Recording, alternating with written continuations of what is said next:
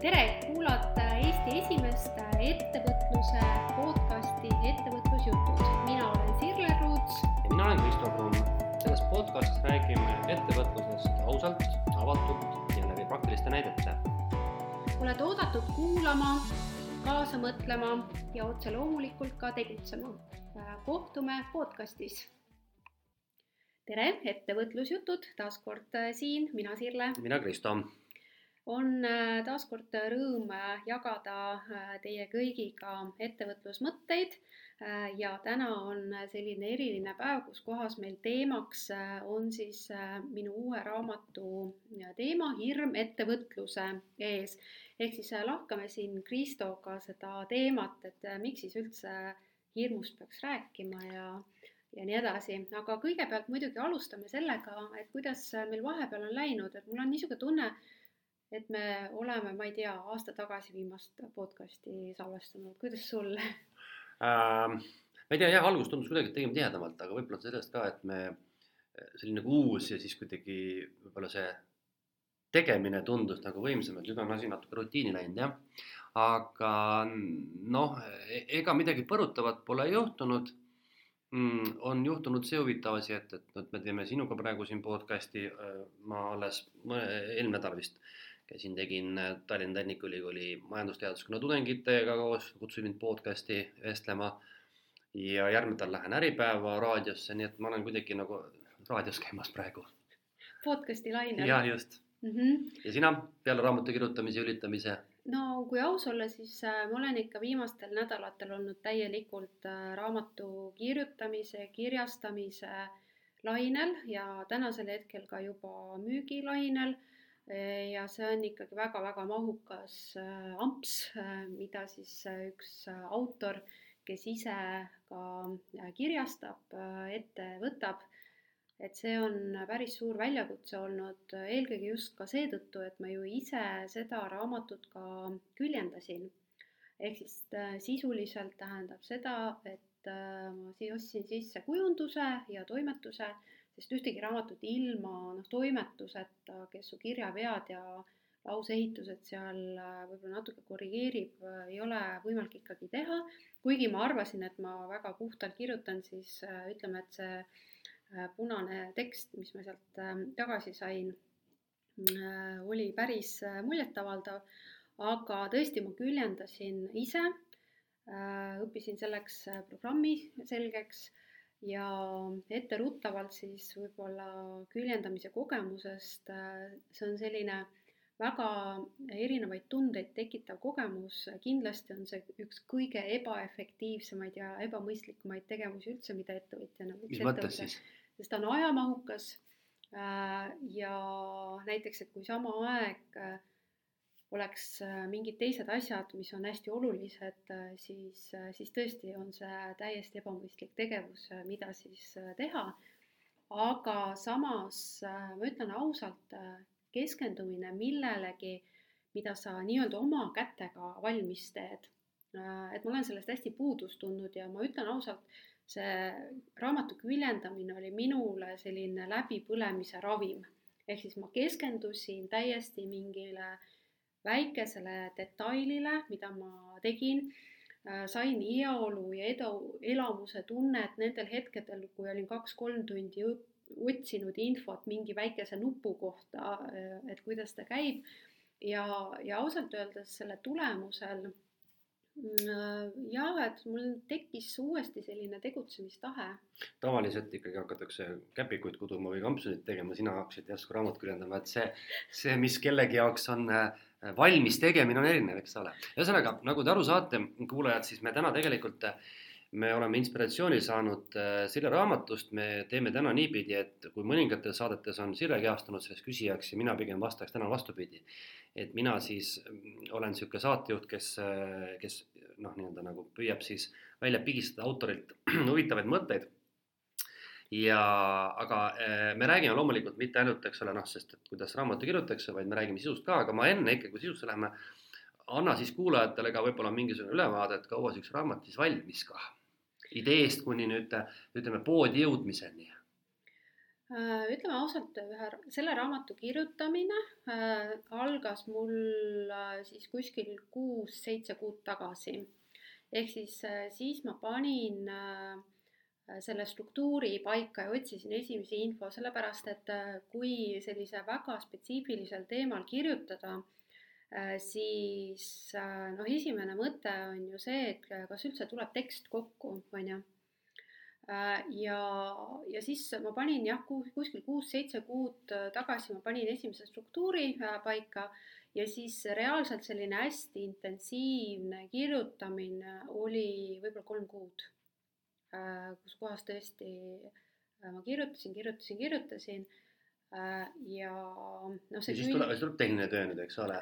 no ütleme siis küljendamine, toimetamine ja trükkiminek, et kaua see veel aega võttis? no küljendamine ja toimetamine, noh, sama aeg äh, lased ka teha kujunduse, äh, see võtab, äh, kui hästi intensiivselt teha ja on hea koostöö toimetajaga, umbes kuu aega. Võib nendel juhtudel, kui toimetajal on teised projektid ka näiteks ja sa oled seal järjekorras, siis võtab ka rohkem aega, aga tuleb arvestada jah, kuu aega ja siinkohal võibki tekkida küsimus, et mis seal siis nii kaua aega võtab, on ju, loeb no, läbi, ongi kõik. tegelikult see ei ole niimoodi, sest äh, sa suudad äh, efektiivselt toimetada äh, niimoodi, et sa mõtled tegelikult selle teksti läbi äh,, ütleme, et äh, võib-olla mingid mõned lehed päevas või noh, niimoodi, et võib-olla ma ei tea, kümme lehte või sellepärast, et vastasel juhul äh, su tähelepanu noh, hajub ära, on ju, ja sa ei märka äh, neid. Noh, minu, minu kogemus on võib-olla professionaalsed äh, noh, toimetajad teevad seda teistmoodi, aga kui ma ise näiteks äh, olen läbi lugenud oma tekste või siis näiteks kui magistritööd lugesin, sest seal ma ju toimetasin ise enda, enda teksti, äh, siis ma vaatasingi jah, et, et A4-des kümme lehte ja siis enam ei suutnud mm. -hmm. sa oled sel aastal kõvasti kirjutanud, eks ole mm -hmm., magistritöö raamat, aga mul on see küsimus veel, et nii uudishimelikult, et kui pikalt sa kõige pikemalt järjest kirjutasid, kui, kui, kui pikk see päev oli näiteks, kui sattusid hoogu, mäletad ka või?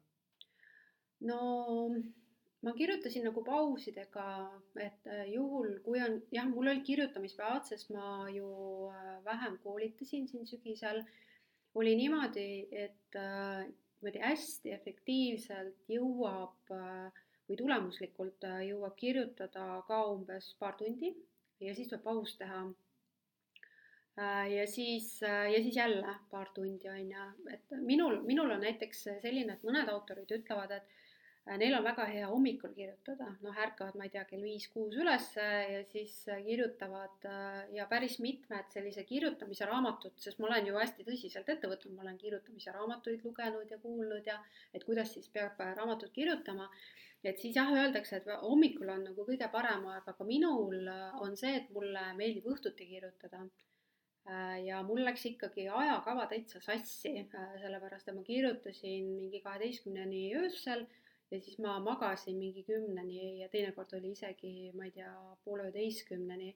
ehk siis mul läks natuke see rütm sassi, aga jah, et, et mul, mulle meeldib õhtuti kirjutada mm. -hmm. no vot, noh, kirjutamisest saab palju rääkida, sellepärast et see on tegelikult hästi põnev teema, aga lähme siis korraks või mis korraks, hakkame siis raamatule minema, et mm -hmm. mul on siin lahti sa saatsid mulle ka oma äh, siis e-, e-kujulusele, ma alustasin ta lugemist. ma eetriväliselt juba kiitsin, et mulle meeldis väga sinu sõnaseadmisoskus, sest äh, noh, vaata, kui sa kirjutad, ütleme, kui sa ei ole eluaeg professionaalkirjanik olnud või sa ei ole, ütleme siis äh, filoloogi haridusega, siis võib-olla sõnaseadmisoskus võib-olla inimesel pole ka nii hea, aga ju sa oled harjutanud kõvasti, igal juhul see oli väga kihvt. ja raamat, millest me räägime, sõbrad, on siis Hirm ettevõtluse ees ma nüüd alustan seda kõigepealt seda küsimustikku sellist või küsimist sellistest lihtsatest küsimustest, et miks sa selle raamatu kirjutasid üldse? ja see on väga hea küsimus, sest ähm, teinekord on ju see, et inimene tahab äh, ennast äh, loominguliselt väljendada äh, ja seal siis ongi see pealmine vastus küsimusele, miks, on seetõttu, et ise nagu seda kaifi saada nii-öelda, on ju.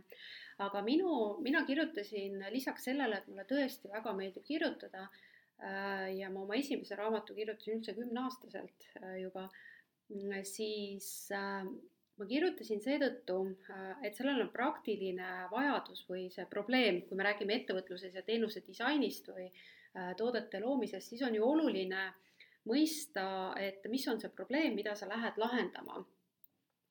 ja äh, mina tajusin seda probleemi hirmu ettevõtluses läbi oma klientide, sest äh, see raamat on tõesti sündinud tänu klientide lugudele.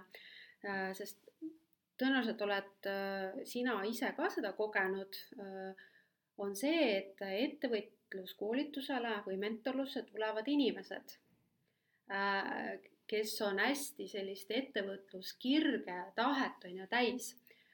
ja kui ma tegin nüüd sellel aastal analüüsi näiteks oma klientide seas, et kui paljud siis nendest on jõudnud ettevõtluseni, sõltumata sellest, et neil on olemas teadmised, raha kaasamise võime, võimalus, mentorid nendest nelikümmend protsenti ainult jõuab ettevõtlusesse ja ma hakkasin küsima mõnes mõttes endalt kõigepealt seda, et aga mis toimub, miks äh, sõltumata sellest, kui on kõik võimalused olemas selleks, et ettevõtjaks hakata, et miks ei hakata.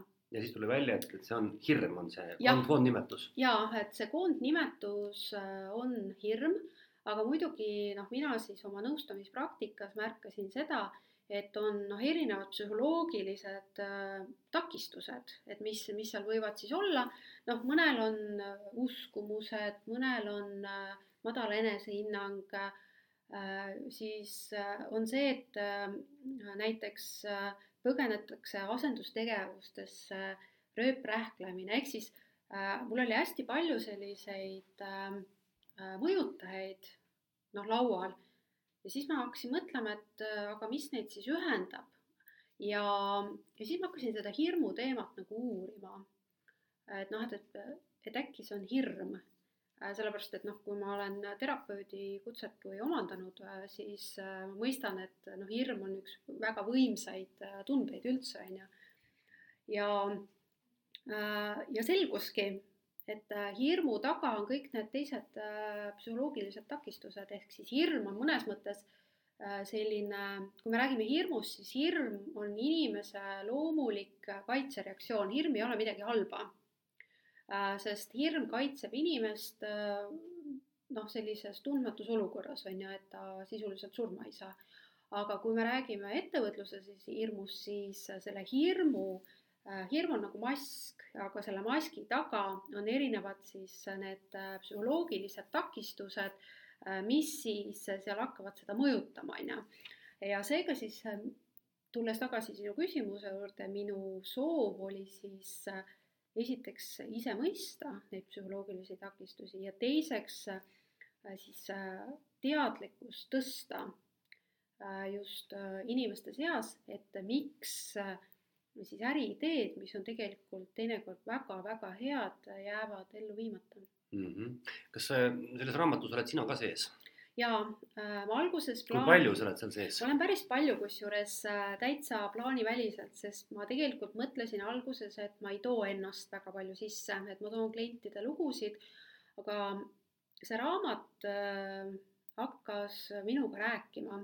See on nagu hästi huvitav, seda autorid teinekord ütlevad, aga mina kogesin selle raamatu kirjutamisel seda, et kuidas see teema hakkas avama ennast ja see oli noh, tõesti niisugused. see hakkas avama siis nagu, et sa hakkasid iseennast analüüsima niimoodi? jah, iseennast mm -hmm. ja see ka teema hakkas mm -hmm. ennast avama, näiteks äh, noh, mulle jõudis mingi info on ju, noh, mingi, mingid kihid hakkasid äh, kuidagi ennast avama või, et selles osas on huvitav ja, ja kui ma kirjutasin seda, siis, siis oligi see, et kui ma alguses plaanisin, et ma toon rohkem klientide lugusid kuigi klientide lood on ka seal sees, siis, siis tegelikkuses äh, tuli rohkem minu enda lugusid äh, mm -hmm. sinna. ehk siis ma mõnes mõttes ikkagi äh, väga jagan isegi neid olukordi, mida ma muidu ei ole jaganud. Okei okay,, see mm, -hmm. see lisab niisugust nagu äh, huvitavust, et no mis me siis selle kohta siit teada saame nüüd, eks ole, kui me öelda tunne. nüüd äh, okei okay,, lähme nüüd teemasse edasi sisse, et sa ütlesid, et, et, et eks ole, hirm on nagu psühholoogiline üks nähtus, ma olen sinuga nõus, ma ise arvan, et ma ei ole selle ala suur spetsialist, aga ma tajun, et see nii on, eks ole, et see on mingi kaitsemask või kaitserefleks ja selle taga on midagi muud, et ähm, kui nüüd sa peaksid defineerima hirmu, et äh, niimoodi, okei okay,, sa, sa noh, teatud mõttes selle ütlesid ära, aga kui sa nüüd mõtled, et, et kuidas see nagu siis nagu see ahel nüüd jookseb, et kui sa, kui sa peaksid kirjeldama, et millest sa selles raamatus siis, kuidas sa selles raamatus siis hirmudest räägid, et kas sa pühened ainult psühholoogilisele eh, nähtusele või, või kuidas see raamat nagu siis nüüd avab meile seda hirmumaailma ja just noh, siin on sõna ettevõtluses, eks ole mm. -hmm no see oli alguses minu jaoks ka pähkel äh, tegelikult, et kuidas äh,, kuidas ma siis äh, kuidas ma hakkan siis seda kuidagi lahti arutama, on ju. aga noh, hirm tegelikult, mis oli minu jaoks huvitav selle raamatu kirjutamisel või huvitav avastus, oli see, et hirm, hirmud on tegelikult foobiad. ehk siis enamus hirmud, kuus põhihirmu, mis selles raamatus on, tegelikult enamustele nendes on psühholoogias äh, foobia sõna üldse, et seda tuntakse hoopis äh, teise sõnaga. ehk siis äh, ma nüüd täpselt peast ei tea, need on ülikeerulised, need sõnad, et, et ma kohe jään sulle vastuse võlgu, aga mis minu jaoks oli jah, huvitav avastus oli see, et hirmu teine sõna või tähendus psühholoogias on foobia hmm.. ehk siis, kui me tunneme näiteks ebaõnnestumise hirmu, siis tegelikult on see foobia. okei okay. hmm.. Äh, aga räägi meile, mis need on, need, need siis need hirmu, need kuus või mitu sa ütlesid, need erinevad äh, siis tasandit või segmenti või, või, või, või, või mm, -hmm. või e, esi-, avaldumise momenti siis mm? -hmm. no noh, mul oli mingi eeldus, on ju, et mis need hirmud võiksid olla Äh, ja võib-olla kõigepealt ennem siis neid hirmu, kolme, kuue hirmu nimetamist äh, ma natuke veel peegeldan või avaldan seda, et kuidas ma nendeni jõudsin okay,. et jah, siis, äh, siis ta on natuke selgem. ehk siis ma hakkasin mõnes mõttes rakendama samat asja, mis magistritöös. et mulle meeldis väga tegelikult magistritööd kirjutada Äh, ja ma hakkasin lugema äh, teadusartikleid hirmude teemal. ehk siis noh, või psühholoogiliste takistuste teemal, ehk siis, äh, sest mina ei ole ju ekspert, ma ei ole ter-, terapeut, ma ei ole psühholoog, et äh, mul oli alguses selline võib-olla natuke aukartus, et ma ei ole ju ekspert, et kuidas ma siis hirmudest räägin, on ju. ja, ja ma tegin niimoodi, et, et ma võtsin ette teadusartikleid ja hakkasin siis äh, Äh, saama aru, et milliseid hirme ettevõtluses üldse tuntakse või siis millised on üldse hirmude liigid. kõlab, kõlab juba ise hirmutavalt. Väga hirmutav, hirmude liigid. Jah, hirmude liigid. Ja sealt siis äh, ma jõudsin selleni, et ma kirjutasin välja mingi äh, päris äh,, seal oli vist üle kümne sellise levinud hirmu, mida siis ettevõtjad tunnevad, mis on teadusartiklites siis äh, toodud. Äh, siis äh, järgmisena mm, ma tegin äh, niisugust asja, et, et mitte jällegi olla liiga teaduskeskne, et tuua praktilist kogemust sisse, siis ma tegin küsitluse septembri lõpus, oktoobri alguses kus kohas siis tahtsin uurida inimeste takistusi ettevõtluses. ehk siis äh, ma tegin selles mõttes hästi kavalalt, et äh, ma ei teinud hirmude teemalist küsitlust, ma tegin äh, sellise küsitluse, kus oli vist kuus küsimust, hästi lihtne. panin sinna, esimene küsimus oli see, et milliseid takistusi te ettevõtluses olete kogenud või kogete ja seal olid hästi paljud erinevad takistused noh, bürokraatia, turunduse teadmiste puudus, julguse puudus, noh, kõik need on ju.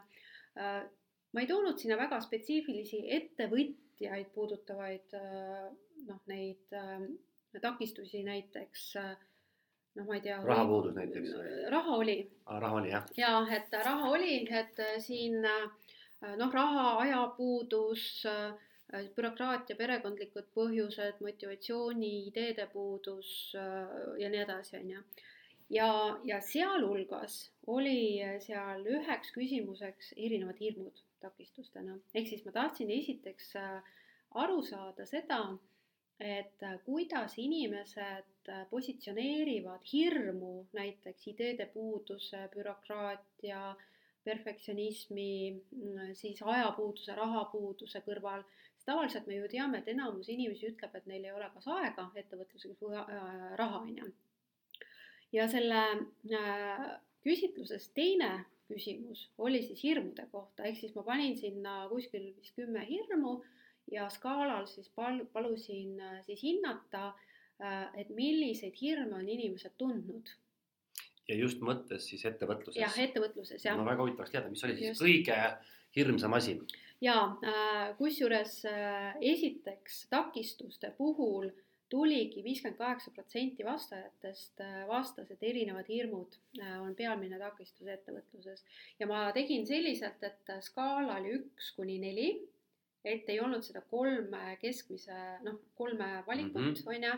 Äh, ja, ja sealt siis tuligi niimoodi, et äh, kõige enam pealmise takistusena äh, on hirmud, mis minu jaoks oli hästi suur üllatus. aga ma küsin vahele, kas sa ei, kas praegu sa veel ei küsinud lahti, mis hirmud siis või see tuli hiljem? ja siis küsisin, noh, ja järgmine mm -hmm. küsimus oli, mis hirmud okay. ja seal oli jälle skaala ja siis olid kõik need hirmud ära toodud ja seal siis kuuskümmend viis protsenti vastas ebaõnnestumise hirm, mis on ka tegelikult äh, äh, teadusartiklites toodud, et see on pealmine hirm.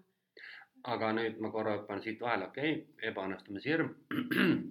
Kui ma tahaks nüüd olla pedantsem, siis ma ilmselt tahaks mhm. täpselt, mis selle sees siis on kas sa oled sellest oma raamatus ka rääkinud? jaa äh,, kõik sest tundub see nagu, et see on nagu, ongi üks teema ju kõik mm. ebaõnnestumine, aga ma saan aru, et see tegelikult ei ole, eks ole, seal on veel muid asju ja, ja. Mm -hmm. et selleni me jõuame, aga ma okay. nimetan ära need äh, kuus äh, Nii. või noh, mis need pealmised sinna tulid oli, oli kuuskümmend viis protsenti vastanutest ütles ebaõnnestumise hirm ja nagu sa ütlesid ka, iga hirm tegelikult selle taga on mingid muud asjad, on ju, äh, mis siis käivitavad siis, siis kuuskümmend üks protsenti vastanutest ütles ebapiisavuse hirm. mis see tähendab? Äh, see sisuliselt tähendab madalat enesehinnangut. et mina ei ole väärt seda tegema umbes midagi jah, jah, et jah, madalat enesehinnangut, eduelamuse puudust, kriitikat okay., noh, kõik see on ju Äh, siis äh, nelikümmend kuus protsenti ütles turunduse ja müügihirm, see läheb ka tegelikult, äh, see läheb järgmise hirmu alla nelikümmend viis protsenti tagasilükkamise hirm, mida teadusartiklites siis käsitletakse. müügi ja turunduse hirm on tegelikult seotud tagasilükkamise hirmuga. see on siis, et, et, et ei ütleb, et ma ei taha seda ja, ja, ja, ja et äh, ei äh, ütlemine on ju ja siis on läbipõlemise hirm, mis minu jaoks oli hästi suur üllatus, sest mina olen oma nagu teadvuse ruumis sisuliselt äh, Äh, läbipõlemise hirmu nagu välistanud, et või läbipõlemine on selline noh, nõrkadele. okei, aga kas see on ka sellepärast, et, et sa ettevõtlusega hakkasid tegelemagi selleks, et see oleks nagu äge, et sa oled mm -hmm. nagu mhm. ilmselt enda jaoks loonud selle mõtte, et palgatööl ju ju mm, -hmm. eks ole, põletaks läbi, et mm -hmm. ettevõtluses on kõik hästi vinge. ja, ja kusjuures äh, ka äh, kui ma tegin seda uuringut on ju, lugesin läbi, noh, ma lugesin päris palju läbipõlemise artikleid, neid ei ole väga palju Äh, neid on tehtud eelkõige just töötajate kohta, aga mitte ettevõtjate kohta ja, ja noh, ja teadusartiklites tegelikult tuligi välja, et see ettevõtjate läbipõlemine on hästi oluline teema, mida peaks rohkem teaduses ka käsitlema. ja ettevõtjate puhul ongi see, et miks siis läbipõlemine ettevõtjatel on oluliselt suurem äh, kui siis äh, töötajatel on see, et noh, kujuta ette, et et sa hakkad ettevõtjaks, on ju, noh, mina olen küll oma kliente näinud, et sageli on ettevõtlus nagu justkui viimane valik või selles mõttes ainukene valik. ehk siis, kui ma tulen palgatöölt ära, on ju, ja ma hakkan ettevõtjaks, et siis justkui, kui ma lähen tagasi, siis ma olen ebaõnnestumine, et seal on see ebaõnnestumise hirm kodeeritud sisse ja seetõttu äh, on äh, noh, läbipõlemine on hästi ohtlik ettevõtjatel, sest äh, seal vaata, kui on palgatööl läbipõlemine, siis äh, sa mõnes mõttes äh, tuled ära palgatöölt, lähed Töötukassasse ja nii edasi, on ju. aga ettevõtjana on see, et kui sa ettevõtjana läbi põled, siis sul nagu justkui ei ole tagasiteed enam, on ju. et või siis sa psühholoogiliselt noh, ettevõtlus on nagu oma beebi, on ju. et sa noh, püüad tegelikult siis, kui enam ei pea püüdma, on ju. et okay, läbipõlemise teema noh nagu tänu sellele raamatule ikkagi noh, tuli täiesti minu sellisesse teadvusse on ju. -hmm. Mm -hmm.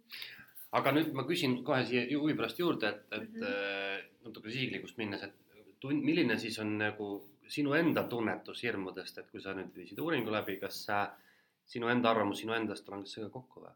ehk siis, kas sa tunned samu hirme samamoodi või, või, või? Äh, jaa, ma ise ütlen, et see raamatu kirjutamine, ma arvan, et see on olnud minule endale kõige suuremaks abiks. Ja ma loodan, et ka mu klientidele, äh, sellepärast et äh, minu jaoks hirm ei ole enam noh, selles mõttes hirm, halvas mõttes, ehk siis hirmu taga on mingi psühholoogiline reaktsioon, mis inimeses toimub, on ju.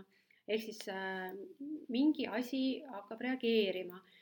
Ja see on ka selle raamatu mõte, näidata inimesele läbi siis lugude, praktiliste harjutuste ja seoste loomise sellest, et äh, mis asi seal toimub, ehk siis näiteks äh, ma toon enda näite.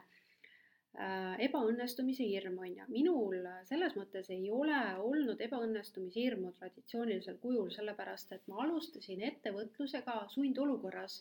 Ma pidin oma sissetulekuid suurendama ja kui sul mõnes mõttes enam mitte midagi kaotada ei ole, et sisuliselt on ainukene tee nagu isiklikku pankrotti minna, siis sul ei ole lihtsalt võimalust ebaõnnestumise hirmu kogeda, on ju, sa lihtsalt või siis ta-, või siis tagasilükkamise hirmu või ebapiisavuse hirmu, sellepärast et noh, et kõik nii-öelda trummid ja pulgad on juba nagunii läinud, on ju.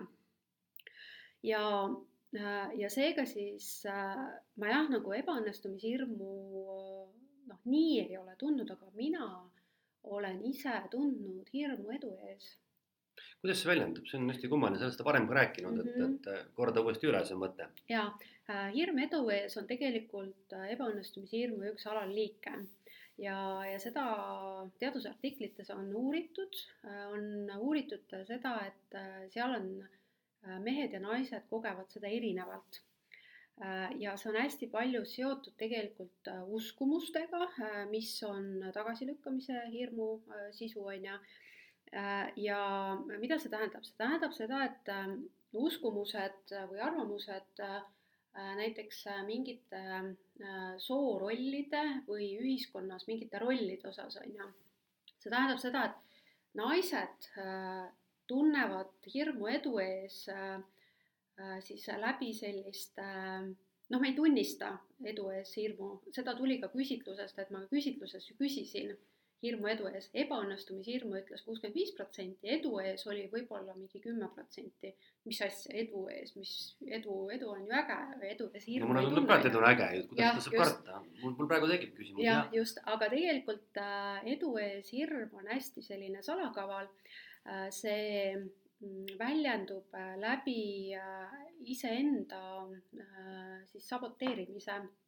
see tähendab seda, ehk siis näiteks minul, naistel, noh, niimoodi nagu teadusartiklites räägitakse, on, väljendub edu ees hirm läbi selle, et neil on teatud või neil on teatud rolli ootused, et naiselik naine ei ole näiteks ettevõtja või siis kui naine on ettevõtja, siis ta äh, Äh, kui tal on lapsed ka, siis ta on rongaema, on ju, siis tal ei ole aega perekonna jaoks, on ju, mees on hoolitsemata ja, ja lapsed on näljas, on ju.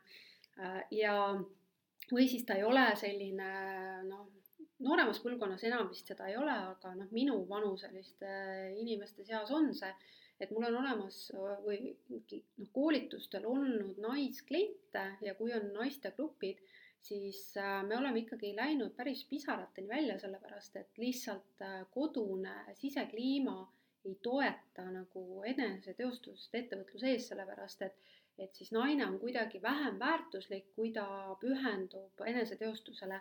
see tähendab seda, et kui on äh, siis noh, see hirm edu ees, sest kui ma saan edukaks, siis ma olen nagu vähem naine okay, siis ma, ma hakkan mm -hmm. nagu ennast manipuleerima, näiteks mina, mina olen seda teinud, et mulle on antud äh, kunagi, ma olin hästi armunud äh, ja siis mulle üks äh, veegmees andis tagasisidet, et, et, et noh, et, et et ma nagu ei ole, sellepärast et ma olen niisugune ärinaine, et ma ei ole piisavalt naiselik okay.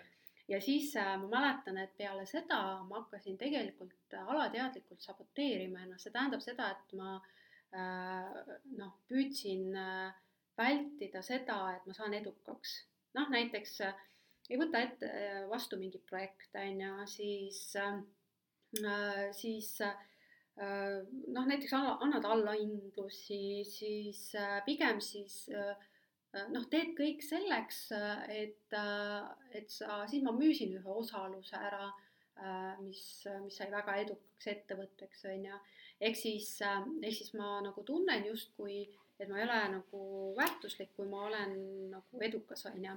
meeste puhul on see teine hirm edu ees, on see, et et kui mees on edukas, siis tal on äh, kõrgemad ootused kohustuste võtmises. et noh, et kui sa oled edukas mees, äh, siis sa justkui pead äh, olema edukal ametikohal, tegema rohkem tööd, tervis kannatab, sa pead roh rohkem raha sisse perekonnale tooma, võib-olla siis ongi see, et seal võib tekkida ka see, et Äh, et võib-olla naine on siis kodune üldse on ju, noh nagu ootus sealtpoolt. Äh, ja see tähendab seda, et mehed võivad hakata ka saboteerima ennast, see tähendab seda, et nad kardavad, et nad sellele pingele vastu ei pea, et nende tervis kahjustub, on ju. ja see tähendab seda, et nad võivad äh, siis ka tiksuda nii-öelda. okei okay.. et, et mm -hmm. aga see tiksumine tähendab seda, et nad tegelikult äh, Äh, ei taha seda vastutust, mis selle eduga kaasneb, on ju. on loogiline? jah, on küll jah. ma mõtlesin, äh, noh, ma hakkasin su raamatut, eks ole, lugema, ma ei ole jõudnud tegelikult veel ju päris paljusid teemasid käsitleda ja seetõttu ma ei tea mm -hmm. sellele oma küsimusele vastust, aga ma siis küsin praegu siin nii-öelda raadioeetris, et mõeldes siis täna selle meie kohtumisele ette, ma tegin kiiresti niisuguse tagasipeegelduse endas, et kas ma ka midagi kardan ettevõtluses. Äh, või, või kas ma nüüd sõna kardan on, aga et mis mind nagu takistab, siis äh, ma arvan, et ma ei ole originaalne, kui ma ütlen, et noorena ma olin niisugune rohkem riskivalmidus, ma julgesin asju rohkem ette võtta, siis täna ma olen sellises mugavustsoonis natukene ja kui ma mõtlen, et, et, et näiteks, et mul on, mul võib olla laual mingi äriidee või asi, äh, siis ma, ma ütleks niimoodi, et miks ma seda ei tee, siis ma ise seletasin endale niimoodi, et ma ei viitsi, ma ei taha ebamugavustsoonist välja tulla, ma pean hakkama tegema mingeid asju, mis noh, algavad sellest, et ma pean organiseerima, ma pean, ma pean äh, kulutama raha ja aega, teadmata, kas see asi õnnestub eh,. Siis lõpuks on see, et, et kuidas sa lähed niimoodi, imelik on minna, et kuule, osta elevant ära, eks noh, ütleme ala. et noh, see kõik, sa mõttest saad aru, eks ole mm, -hmm. et see on nagu ebamugavustsoonist väljatulek, et äh, äh, ma, ma leidsin niisuguse nagu ütleme probleemi endal, et paljud ideed jäävad sellepärast realiseerimata, et ähm, ei viitsi või, või noh, ma ise ütlen, et ei viitsi välja tulla, kas see on ka mingi hirm või? Äh, noh, ta natukene noh, see, mida sa kirjeldad, tegelikult on natuke ebaõnnestumise hirmuga seotud, sest ebaõnnestumise hirm, mida siis äh, kõige enam tuntakse äh, ja mida, mis on hirmudes ka ainukene, mida on ettevõtlusraportites käsitletud äh, aeg-ajalt, siis äh, ebaõnnestumise hirmu äh, sisu on siis järgmine. Seal siis, kui inimene tunneb ebaõnnestu-, ebaõnnestumise hirmu, siis seal võivad olla äh, Äh, näiteks turvatunde kaotamine. turvatunnet loob rutiin tegelikult, mugavustsoon. mugavustsoon, jah, mõnus, jah. see tähendab seda, et kui inimene äh, hakkab ettevõtjaks, äh, oma uusi ideid ellu viia, alati peab minema mugavustsoonist välja, seda Maria Forleo oma raamatus on hästi nimetanud siis kasvutsooniks, on ju, et sa pead minema mugavustsoonist välja. see tähendab seda, et, et sellisel juhul nagu see turvatunne kaob ära, on ju Äh, noh, millal siis näiteks ettevõtluses minul on olnud äh, see turvatunde kaotuse teema, äh, siis mina alati, kui ma viin mingeid uusi ideid ellu, siis noh, mul on selline rahaline reserv alati olemas, on ju.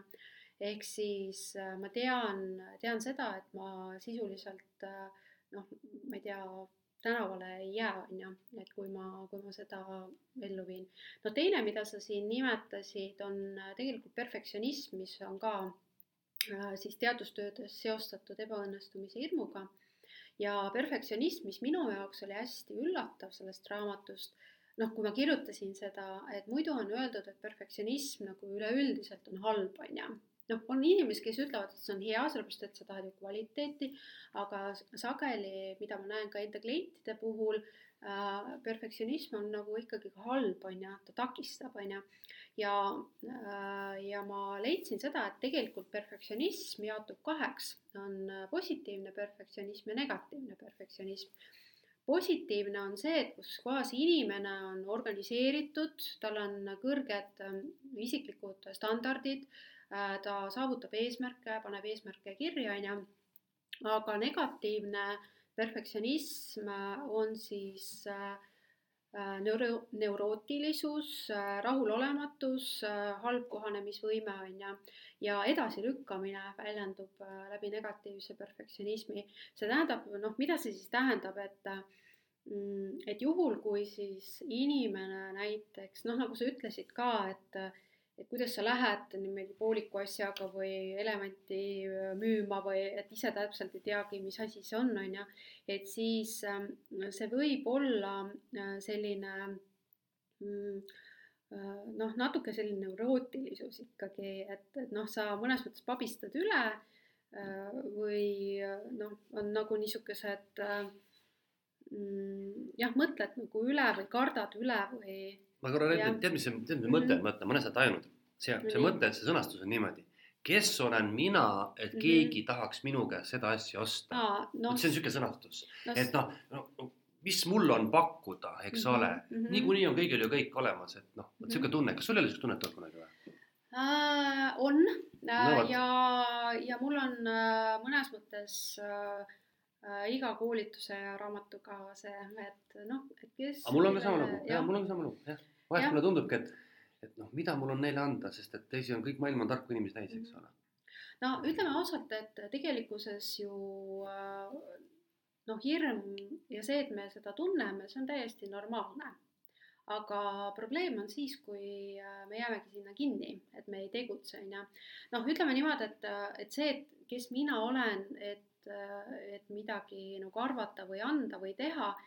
ja minul on see hästi olnud, sellepärast et ma ei ole ju eluaeg kirjanik olnud ja nüüd ma kirjutan raamatuid ja, ja arvan midagi, kes ma ei ole psühholoog, on ju, siis noh, seal võib olla seos äh, siis kas ebapiisavuse hirmuga või tagasilükkamise hirmuga noh, ebapiisavuse hirm ongi see, et on see madal enesehinnang, et, et noh, et, et ma et ma nagu ei tunne ennast kindlalt ja see on mõnes mõttes iga teema puhul, mis on tundmatu, siis me natuke tunneme sellist äh, ebakindlust, madalat enesehinnangut, aga seal on ainuke asi, mis seda siis äh, aitab või mis, mil, kuidas seda ravida, on see, et sa peadki tegelikult tegutsema.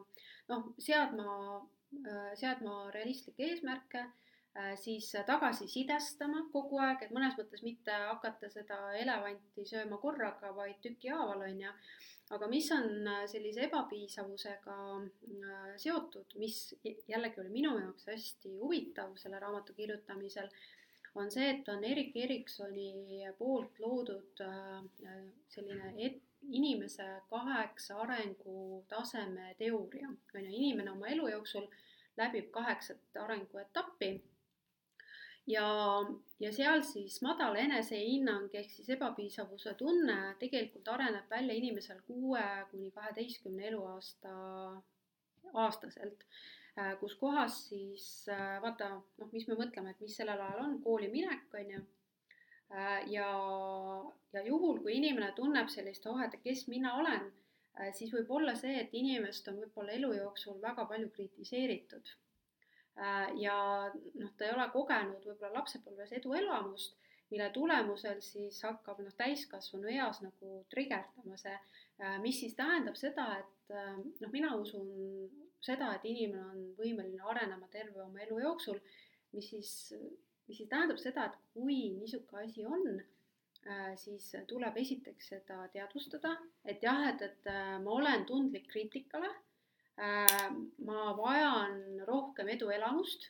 eduelamus tähendab seda, et mul nagu toimub peegeldus on ju selle väliskeskkonnaga, mis siis tähendab seda, et ma pean seda enam tegutsema. Äh, ja, ja võtma selle suure asja äh, tükkideks rakendama mitte negatiivset perfektsionismi, vaid positiivset, et seal on see eesmärgipärane tegutsemine äh, ja, ja siis selle protsessi jooksul sisuliselt kogu aeg teadlikult tooma neid eduelamuse kogemusi, on ju. huvitav, ma mõtlen praegu, ütleme, kumb mul on, et mm -hmm. ma kirjeldan korra sulle siis need ka ütleme, kusjuures ma teen kahe märkuse, ma vaatasin korraks sinu mm, seda raamatu sisu korda, siin on tegelikult võib-olla isegi veel parem hirm, mida ma sulle enne näiteks rääkisin, see on hirm muutuste ja vastutuse ees. et, et see, et, et sa muutud, astud oma mm -hmm. mugavustsoonist välja, aga nüüd see perfektsionism, et ähm, ma kirjeldan sulle sellist koolitaja, enda koolitaja niisugust nagu mõnes mõttes arengut ja nüüd sa võid öelda, kas, kas sa vastad selle, ehk siis kui sa hakkad midagi teistele õpetama, siis äh, esialgu on sul õhin, tuhin mm. ja põnev, sest keegi kutsus sind või või tundub, et kui noh, keegi nagu on nõus isegi veel raha maksma, siis pagan, järelikult ikka noh, umbes, et mul on ikka midagi öelda. siis ühel hetkel sa tunnetad, et, et sa nagu ei os-, noh, sa, sa, sa ei tegelikult, mingil hetkel tekib see sihuke segadus ühel hetkel, et ma ei tea täpselt, kas see, mis ma räägin, on ikka õige. Ja siis, kui sa, mida rohkem sa loed, sa rohkem saad aru, et issand, nii palju maailm täis tarku inimesi, kes kõik on seda öelnud. Ja nüüd mina lihtsalt kopeerin seda, et see on ju täitsa nõme. ja kui ma midagi ütlen originaalset siis see on veel nõmedam, eks ole, nii, nüüd, mis tekib edasi, nüüd ühel hetkel võib-olla saad sellest üle, nüüd hakkavad tekkima need eduelamused, sa saad mingit positiivset, keegi kiidab sind, ütleb, et kurat, see oli äge koolitus, eks ole, või tänu sinule ma sain selle asja tehtud, eks ole, et noh, kliendid annavad sulle tagasisidet. nüüd mingil hetkel äh, sa hakkad tundma, et kui sa teed seda liiga üsna piisavalt palju, siis sa ei ole jälle endaga rahul, sest et äh, sinu arvates on see jutt nii nõme, sest sa oled seda juba viis aastat rääkinud, eks ole. ja nüüd tekib see tunne, et isegi see kiitus enam ei tööta, sest sa ei usu sellesse mm -hmm.. ehk siis sa mõtled, nad valetavad, kurat. tegelikult ma ei ole üldse hea. Ja, ja siis sinu ainuke võimalus, noh, see, ma räägin praegu mm -hmm. nagu teenuse poole, see võib olla ka toote pool vabalt, eks ole, see võib ka toode olla mhm. selline. siis sinu ainuke võimalus on, ongi see perfektsionist, et sa lihtsalt peadki proovima veel paremaks ja veel paremaks, sest see on sinu ainuke võimalus panna ennast uskuma, et, et sinu asi on midagi väärt, sest vastasel juhul sa enam ei usu iseendasse, sellepärast et sa oled seda nii kaua teinud ja sa arvad, et pagan, tegelikult vist kõik lollitavad minuga. Vot ma mhm. kirjeldasin niisugust nagu mm -hmm. natuke mhm. niisugust arengut no, no siin mul on kaks mõtet, on ju, muidugi see ei pruugi üldse, üldse olla selles mõttes õige, on ju, sellepärast et ma ei ole ju vaata terapeut ega psühholoog ja ja ma ei saa anda nagu äh, nii-öelda raviplaani sulle no,. kliinilist hinnangut sa ei anna, jah. just, just, aga noh, toetudes enda selle nagu tööle, äh, mis ma siin olen ööd ja päevad on ju lugenud, äh, analüüsinud ja, ja mõnes mõttes äh, seostanud, siis äh, kui ma alguses sind kuulasin, see, selle hetkeni, kui sa tõid selle perfektsionismi sisse, siis, siis tegelikkuses sa räägid äh, nendest episoodidest, kus kohas koolitaja saab, põled läbi. ja minu jaoks äh, see raamat avas täiesti põle, läbipõlemise teema, sellepärast mina kogesin sellel aastal seda äh, ja läbipõlemise tunnused on apaatsus selle selle oma, oma nagu teema kohta, huvipuudus täiesti, apaatsus, ükskõiksus. Ja mina ka mõtlesin, et, et, et appikene, mis toimub. Et noh, sisuliselt ma olen kuus aastat koolitanud ja mul, mul nagu puudub täielik huvi, sellepärast et ma tu-, noh, tunneb, tunnen justkui, et ma nagu midagi ei teagi, on ju. Ehk siis, ja see, et kliendid andsid positiivset tagasisidet, helistasid, et oo, äriplaan sai jälle nagu rahastuse, et noh, ma, ma ei tundnud nagu mitte mingeid tundeid, on ju. ehk siis õnneks läbipõlemise korral, mida mina olen ka nüüd kogenud, et äh, kui sa võtad ikkagi aja maha ja viid nagu tähelepanu ära, siis sa ikkagi saad selle ühenduse tagasi. tänasel hetkel ma juba mõtlen, noh, et, et ah, et, et võiks mingit uut koolitust äh, teha, on ju, mul on mingid uued mõtted, äh, mida võiks teha. aga sellel hetkel, kui ma selles olukorras olin, siis oli täielik apaatsus, on ju noh, et, võib, võib olla see teinekord. must näost nägid sa küll väga hea välja, et seda küll ei saanud öelda. ma olen sind näinud ju nüüd terve aasta iga paari, paari nädala tagant. et jumal tänatud, see ei paistnud välja no aitäh sulle. ja aga noh, teine on see, et, et noh, et, et see võib olla, mida mina olen ka kogenud, on see, et kui sa vaata oma teemas saad üha nagu kompetentsemaks, siis äh, minu arust äh, noh, ka need autoriteedid või noh, need muutuvad nagu selliseks suuremaks, on ju, et et noh, et, et siis, siis ongi see, et sa hakkad lihtsalt võrdlema ennast äh, selliste tegijate inimestega. sa tahad öelda, et, et, varem sa ei teinud seda, eks noh, jah, et, et varem, varem sa ei teinud, et Äh, ja, ja siis, äh, ja siis võibki tegelikult tekkida see ebapiisavuse hirm või sul- või, või siis tagasilükkamise hirm. Äh, sellepärast, et see ebapiisavuse hirm ongi see, et sul on vaja, vaata, kui sa arened, no see on minu enda nagu kogemus ja arvamus praegu, et kui sa arened, siis eduelamust sa pead ka kogu aeg nagu nendes uutes situatsioonides saama, on ju, kui sa jääd mugavustsooni, mugavustsoonis ei ole mitte mingit eduelamust, on ju. Mhm. see tähendab seda, et kui kaob ära selline äh, noh, näiteks koolitajana äh, selline noh, nagu huvi selle valdkonna vastu või siis ei ole huvi nagu areneda, äh, siis, siis noh, mõnes mõttes tulebki uuesti vastata küsimusele, miks ma üldse seda teen. see ongi läbipõlemise puhul, et sa ei suuda tegelikult vastata sellele, mina ei suutnud vastata, et miks ma üldse seda teen.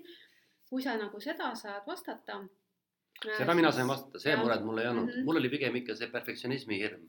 no siis on perfektsionism, äh, seal on see, et äh, noh, negatiivse perfektsionismi sisu on rahulolematus, et võib-olla sul oligi see, et et sa noh, et midagi nagu trigerdas seda rahulolematust sealt on ju, äh, ja võib-olla noh, ka see noh, olukord oli, vaata, situatsioon oli muutunud, et negatiivse perfektsionismi sisu on ka halb kohanemisvõime et siis ongi see, et, et võib-olla noh, see ongi niimoodi kõik kombinatsioon koos, on ju.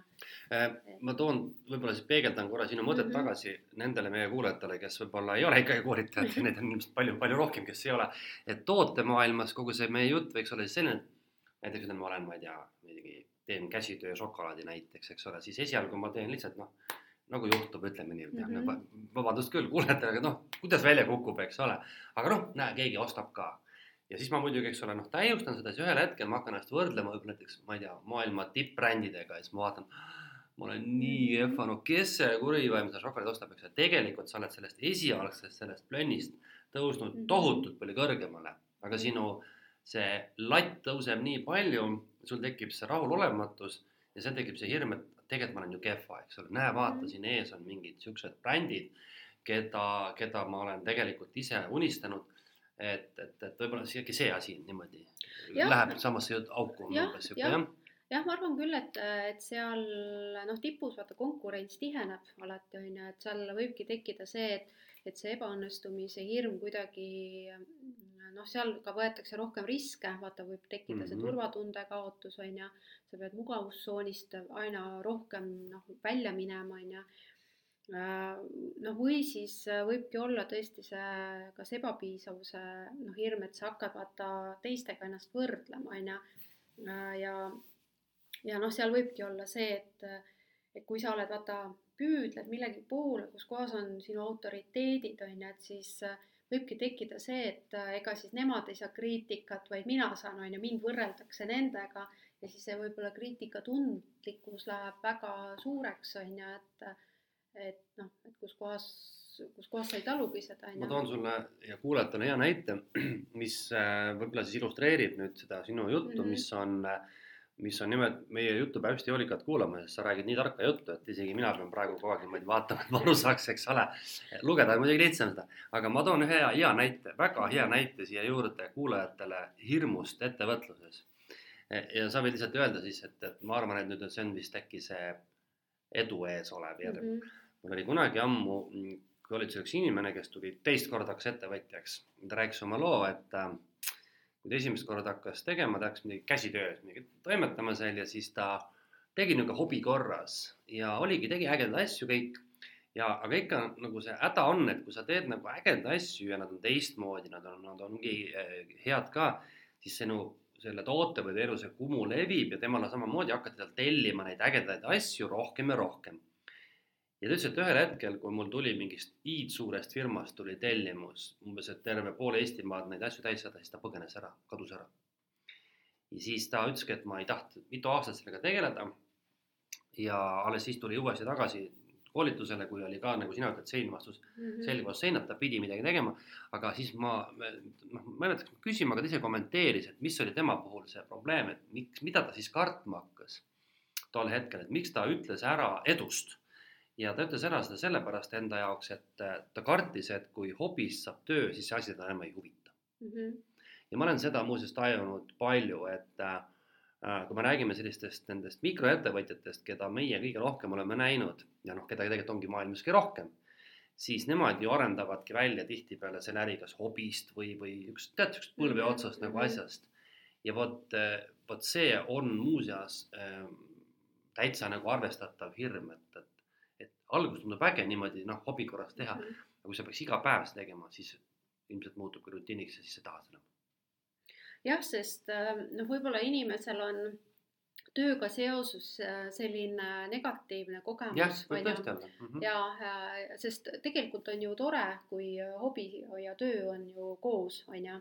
et selge on see, et, et kui sa teed seda, ma ei tea, kaheksa või äh, Kümme tundi päevas, kümme tundi päevas Mhm. et siis, siis noh, võibki olla see, et, et kui, kui sa mõnes mõttes selle noh, et ta ei ole enam nii tore, on ju, et siis, siis võibki tekkida noh, elus nagu tühjus, on ju.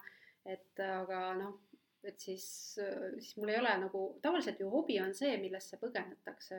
noh, just, just ja, jah, et tööst ära, eks ole. Aga kujuta ette, kui sul nüüd ei olegi enam seda, siis ongi see töö, siis No ongi sul just. ei ole kuhugi enam põgeneda. just, just, et, et seal, seal võib noh, olla nagu see on ju, aga noh, mis võib ka olla, et üks on jah, see edu ees on ju.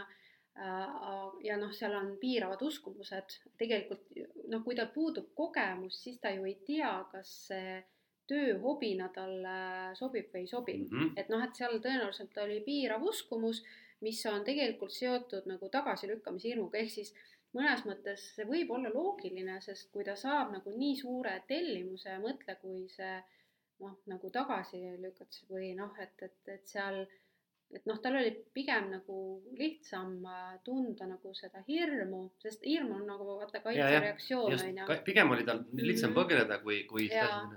sest noh, et, et võib ka olla see, et seal võib, võib olla ka noh, edu ees ja, ja teiseks ka ebaõnnestumise hirm läbi nagu maine ja usaldusväärsuse kaotuse, tähendab seda, et kui on nii suur tellimus, et siis ma võib-olla tajun, et ma ei suuda seda ära tellida või tähendab Mhm. teha, mis siis tähendab seda, et minu maine usaldusväärsus tegelikult äh, kahjustub, on ju, et võib-olla oli nagu see ka, Mhm. noh, ta on niisugune ma tegelikult siit, äh, mul tuli üks, üks mõte mm, ja ma tegelikult, kui ma nüüd kasutan nagu natukese eneseanalüüsi, siis ma arvan, et, et ma ei ole seda kunagi kõva hääle välja öelda, aga näed, me sinuga vesteldes siit ja saame selle kõva häälega välja öelda, et ei olegi üldse hea, kui igast hobist saab äri, mm -hmm, eks ole, sest siis ei olegi sul kuhugi põgeneda. ja ma hakkasin praegu mõtlema enda peale, et, et ma olen äh, aastate jooksul, noh, võtame viimased paar aastat, kui ma olen mõelnud, et niimoodi, tead, millest veel võiks business'i teha, siis tavaliselt mõte jookseb ikkagi nende hobide peale, on ju. -hmm, ja nüüd ma hakkan mõtlema, et aga võib-olla ongi hea, et ma ei ole õnneks mitte midagi selles vallas teinud, et mingist hobist saaks veel töö, sest siis ei olegi ta enam hobi. jah, et äh, ma näiteks mõtlen sedapidi, et ma toon spordi näite, et hästi palju inimesed teevad sporti vabal ajal. ja ma olen ka mõelnud, pagan, et noh, tegelikult võiks ju nagu ka, ma ei tea, mingiks, mingit sporditeemasid hakata äriks keerama, mul on mõtted olnud. ja mul on mingeid sõpru, kes ongi niimoodi, et nad on hobi korras tegelenud mingi spordiga ja nüüd on sellest saanud natukene juba töö, siis äh, siis ma mõtlen, et ei pagan, et parem ma ei teegi seda, parem ma jäängi selliseks amatööriks, kes kuulab, eks ole, kellegi treeneri nõuandeid, kuigi tegelikult võiks ise tegeleda e,. nii et noh, see on nagu see mõte, aga ma peegeldaks nüüd ühele küsimuse siia juurde, et kas äh, kas ma saan õigesti aru, et tegelikult ühelt poolt on need hirmud, kui me nüüd paneme sellise mm, sildi külge nendele, nendele sellistele noh, kõikidele nende foobiatele, nagu sa ütlesid. Ühelt poolt nad on nagu paratamatud ja teistpidi nad on isegi osaliselt vajalikud, et sa oleksid pidevalt nagu ikkagi nagu arengus. kas ma olen õigesti aru saanud? jaa, sest äh, tegelikult äh, noh, näiteks ebaõnnestumise hirmu äh, ka nimetatakse saavutusmotiiviks. see tähendab seda, et et juhul, kui inimene tunneb ebaõnnestumise hirmu, siis see paneb teda äriplaani kirjutama, turgu testima, äh, kliendiküsitlus tegema äh, selleks, et äh, sest kui ta tunneb seda hirmu, siis ta võtab mingid tegevused, ta ei pane kohe, ma ei tea, sada tonni sisse ja siis vaatab, mis saab, on ju. ehk siis need inimesed, kes on oma tunnetega tegelikult kontaktis, siis sul on alati võimalus läbi teadlikkuse tegelikult seda hirmu enda nagu töö, tööle rakendada, on ju. ja jah, et, et see tuli kah välja, et et see jah, et ebaõnnestumishirm näiteks ongi saavutusmotiiv, äh, et kui sa seda õigesti kasutad, äh, siis sa tegelikult teed õigeid otsuseid või õigemaid, on ju, et sa ei lähe lihtsalt äh, noh, nagu rumalalt peale, on ju, et kahjustades oma turvatunnet, mainet. ehk siis, kui sa teadvustad jah, et, et, et okei okay,, et ma tunnen, et ma noh, tunnen niisugune ebaõnnestumishirmu või siis hirmu edu ees, et äh, siis noh, mida ma, noh, mida ma tegelikult seal kardan, on ju, või mida ma peaksin tegema siis, et ta pigem nagu toetaks mind, on ju. Mhm. et see, see oli ka hästi huvitav asi, mis, äh, mis siis äh, tuli, tuli välja. noh, meil ei ole ju eesmärk ja isegi ei taha ju kogu raamatut ette rääkida, eks ole, et midagi peab ju mhm. lugejale ka, aga ma küsiks siia nüüd sellise küsimuse, et keda sa näed või, või kes võiks olla see raamatu ostja? No raamatu ostja äh, võiks olla see inimene, kes äh, siis äh, unistab mitte ainult ettevõtlusest, vaid üldse eneseteostusest, et ta, ta tunneb, et tal on mingid takistused, sest noh, ettevõtlus on ju millegi ettevõtmine, millegi ettevõtmine on ka ma ei tea, töökoha vahetus mm -hmm. või siis äh, noh, mingi äh, no, lähed, lähed õppima midagi uut. jah, jah, just mm, -hmm. et tegelikkuses ma arvan, et see on raamat on kõigile, kes tahavad midagi ette võtta, aga nad ei saa sellest äh, mugavustsoonist välja, sest hirmu vältimise strateegiateks on neli asja, äh, läbi mille inimesed tun-, tunnevad ära, kas nad tunnevad hirmu, takistust või mitte. üks on kontroll, see tähendab seda, et inimene äh, julge teha asju, ilma et tal puudub täielik ülevaade nagu noh, kõigest, et ta saaks kõike kontrollida. teine, et ta tahab kõike kontrollida. Äh, noh, ettevõtluses me ei saa ju seda teha, sest mm -hmm. ettevõtlus on hästi muutuv keskkond. teine on siis edasilükkamine. see tähendab seda, et ma kogu aeg lükkan edasi, panen eesmärki, kogu aeg lükkan edasi, see tähendab seda, et seal on hirm. siis on asendustegevused. asendustegevused on see, et ma siis Äh, noh, võtan isegi kohustusi juurde, on ju. ja neljandaks on tervikpildi puudumine, see tähendab seda, äh, see on seotud asendustegevustega, kus kohas ma siis äh, tegelikult ei pane seda suurt pilti. eks, et noh, et kuhu suunas ma liigun, et ma tegelikult hästi keskendun nendele detailidele, näiteks äh, noh, mul siin tudengid on praegu äriplaani praktikumis, kus kohas äh, äriplaan on ise kirjutamata, aga põhiline probleem on see, et ei saa nagu seda ühte numbrit seal paika, on ju. ehk siis ja seda ma olen näinud ettevõtjate ka seas, kes tulevad koolitusele, ütlevad, et tema nagu probleem on see, et milline see ärinimi on, et pool aastat on mõeldud ärinime ja tegelikkuses ei leia seda ärinime, tegelikkuses äh, selle see on kõige, kõige viimane asi, eks ole. jah ja, ja., on, tegelikult on, tõenäoliselt võib olla see mingi hirm, on ju. Mhm. aga jah, et me tänaseks olemegi jõudnud siin väga huvitavalt juba lõppu. ja mina ta-, mina tahaks öelda seda, et äh, ma saan aru, et raamat on siis nüüd müügil või? Ei, veel ei ole, on praegu eelmüük, aga noh, need, kes siis tulevikus kuulavad selle podcast'i, et siis äh, see ilmub, äh, trükiaeg on kaksteist detsember kaks tuhat kakskümmend kaks. nii et, et ütleme siis sihuke jõulukingiks hea ja. või enesele lugemiseks hea. ja, ja, ja., ja on sul ka konkurente nendes valdkondades või ei ole? Äh, no eks ma konkureerin muidugi kõigi enesearengu okay. raamatutega, on ju, mhm. aga mis on noh, erinev sellest enesearengute raamatutest, ongi see, et see on konkreetselt ettevõtlusele mm -hmm, keskendunud. Spetsialiseerunud oled, eks ole. jah, jah, et ja teiseks on see, et äh, see toetub ikkagi teadusartiklitele mm -hmm. ja seal on iga peatüki lõpus on siis ka praktilised harjutused, et ta on niisugune kombo, on ju no väga hea, igal juhul mina siis omalt poolt soovin küll sulle edu, selles mõttes, et sul on vägev aasta, sa oled, lõpetasid äh, magistri, sa kirjutasid raamatu, ma tean, sa ostsid korteris aasta. sul on ikka megalt asju, ma mõtlen, mis mul on olnud. tuhkagi ei ole praegu vastu no, panna me võiksimegi teha siin äh, jõulude aeg äh, siis sellise võib-olla eesmärgistamise ja, ja tagasivaatamise aasta, et jagame ka äh, kuulajatele siis enda selliseid noh, mul on ka väga raske aasta olnud isikliku elu plaanis, et, et aga et mis ja, siis on aasta toonud ja mis ja, põnevat on õppinud ja, ja mm. -hmm. ja mida siis uuel aastal ja, näiteks. why not, mhm. eks ole, just ja mm -hmm. oot, kui millal me alustasime, kas me alustasime jaanuaris? jaan-, jah, kas jaanuar või veebruar. okei okay,, nii et meil on veel natuke aega aastani, et siis me veel äh, nagu seda nii-öelda tegevusaastat veel kokku ei võta, eks mm -hmm. ole. just. okei okay.. aga igal juhul aitäh, et äh, intervjueerisid ja palun, palun, just et äh, rõõm oli esimest korda tegelikult jagada sellisel kujul äh,.